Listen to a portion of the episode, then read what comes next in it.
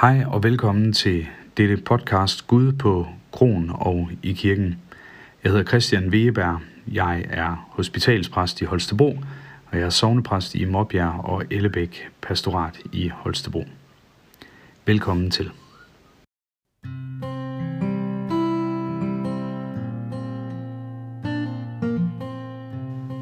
I dag skal du høre en prædiken til midfaste søndag. Og prædiken den tager sit udspring i noget, som vi måske alle sammen kan relatere meget godt til i den her tid, nemlig coronarestriktioner. Vi har jo egentlig det, vi sådan rent fysisk har brug for, de fleste af os. Men der er alligevel noget, der mangler. Det er alt det, der ligesom er det unødige i livet. Og det er det, som prædiken i dag den skal handle om. Først der skal du høre teksten til til evangelieteksten til, øh, til midfaste søndag, og det er fra Johannes evangeliet, kapitel 6, vers 1-15.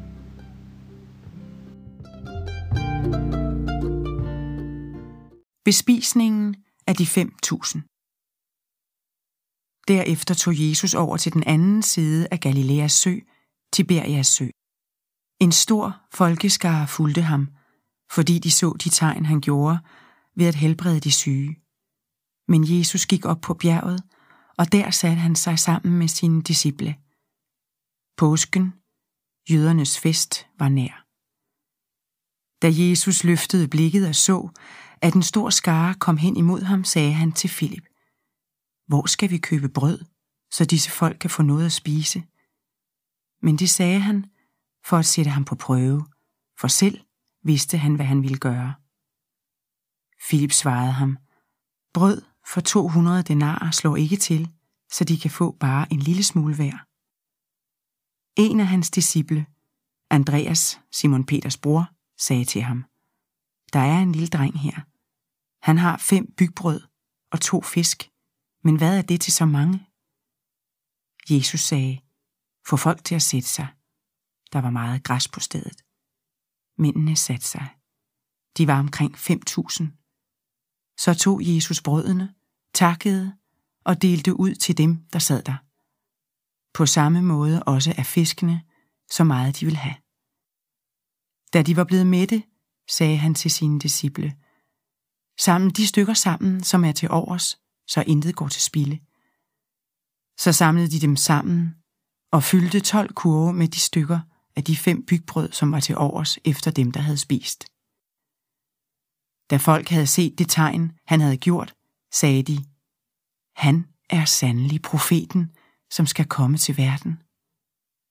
Jesus forstod nu, at de ville komme og tvinge ham med sig for at gøre ham til konge, og han trak sig atter tilbage til bjerget, helt alene.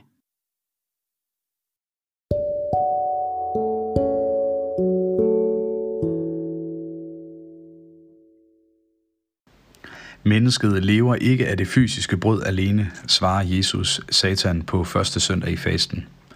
Det er en lignende pointe, vi møder i dagens tekst, da de mange kurve lades til overs. Vi lever ikke kun af brød, men også af åndeligt brød. Vi lever af det, der ikke er åbenlyst nyttigt. For hvad brokker vi os egentlig over, vi mennesker her i coronatiden? Alle os, der hverken mister arbejde eller bliver alvorligt syge. Vi har vel, hvad vi skal bruge. Mad og ro tag over hovedet? Tja, vi trives ikke lige godt alle sammen i den her tid. Heller ikke alle de med arbejde og helbred i orden. Og vi spørger i frustration hinanden, er kuren ved at være værre end selve sygdommen? Er restriktionerne værre end selve covid-19 for vores samfund? Det er nok en diskussion, som vi kommer til at tage sammen de næste måneder, og måske også de kommende år her efter foråret 2021. For hvad er det, vi mennesker lever af? Jo, det er ikke kun det nyttige, men i høj grad alt det unyttige. Sport, leg, kunst, kultur, religion, åndeligt brød. Kristendommen er åndeligt brød, selvom det er aldeles unyttigt, når maven skal fyldes. Selv mærkede jeg det sådan særligt i julen. Maven den blev fyldt så godt og vel endda, og der var også gaver og alle de andre ting. Men der manglede noget helt centralt. Det var gudstjenesterne. De unyttige gudstjenester, der ikke kan omsættes til noget som helst nyttigt. Alt det, der er til overs, når det nyttige er klaret, er meget af det, der giver livet mening. Det kan selvfølgelig ikke sættes så stramt op. For det nyttige og unyttige blander sig selv også ind i hinanden. Men selvfølgelig, men sikkert er det, at der er noget, der mangler i samfundet i dag, og det er alt det overflødige. Jesus han deler brød ud og deler videre. Han dækker de fysiske behov, men der er meget tilbage, hører vi i teksten. Der er masser af brød.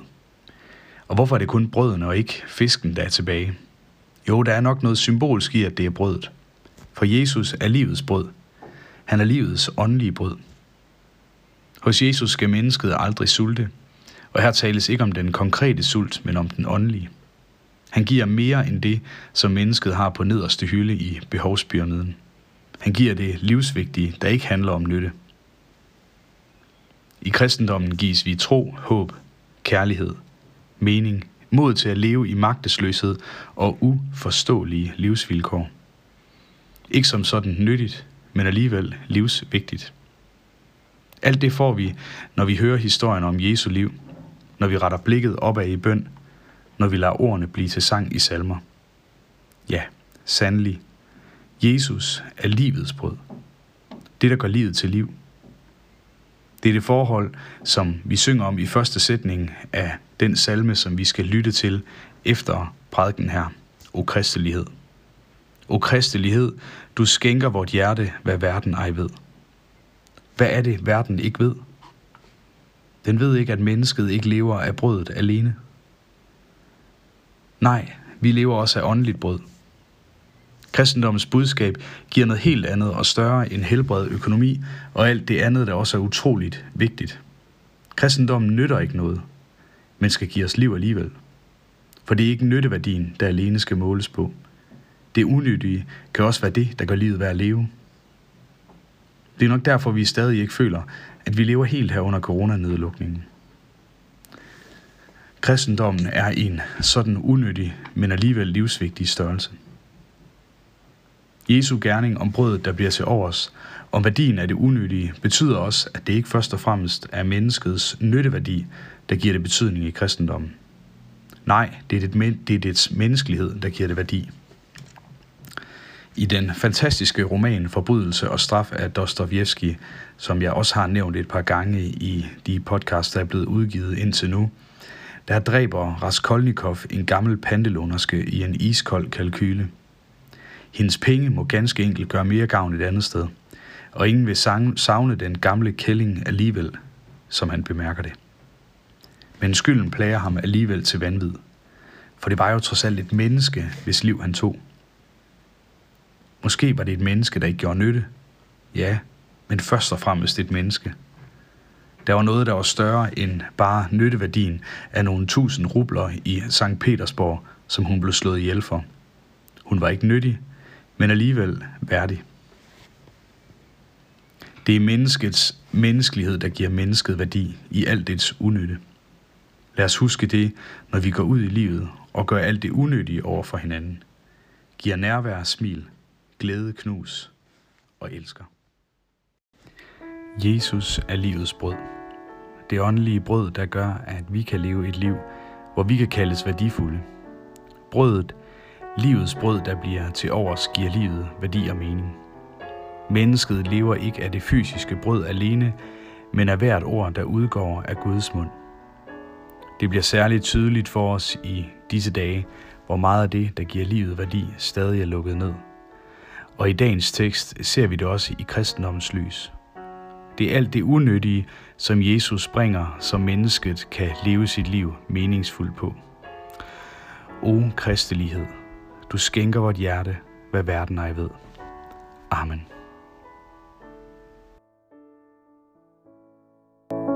O Kriste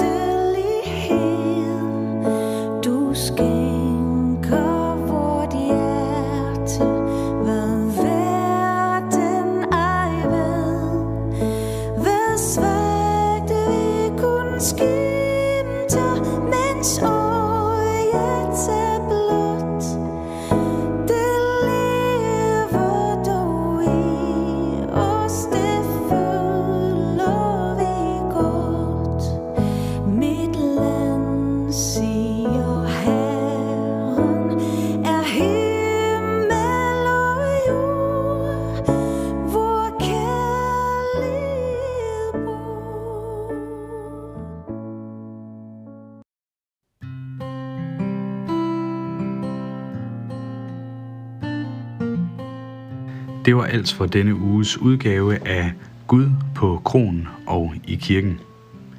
Jeg lånte et klip fra Bibelselskabets lydbog Bibelen og fra bandet Lampedusa her til sidst, da spillede første vers af O Kristelighed.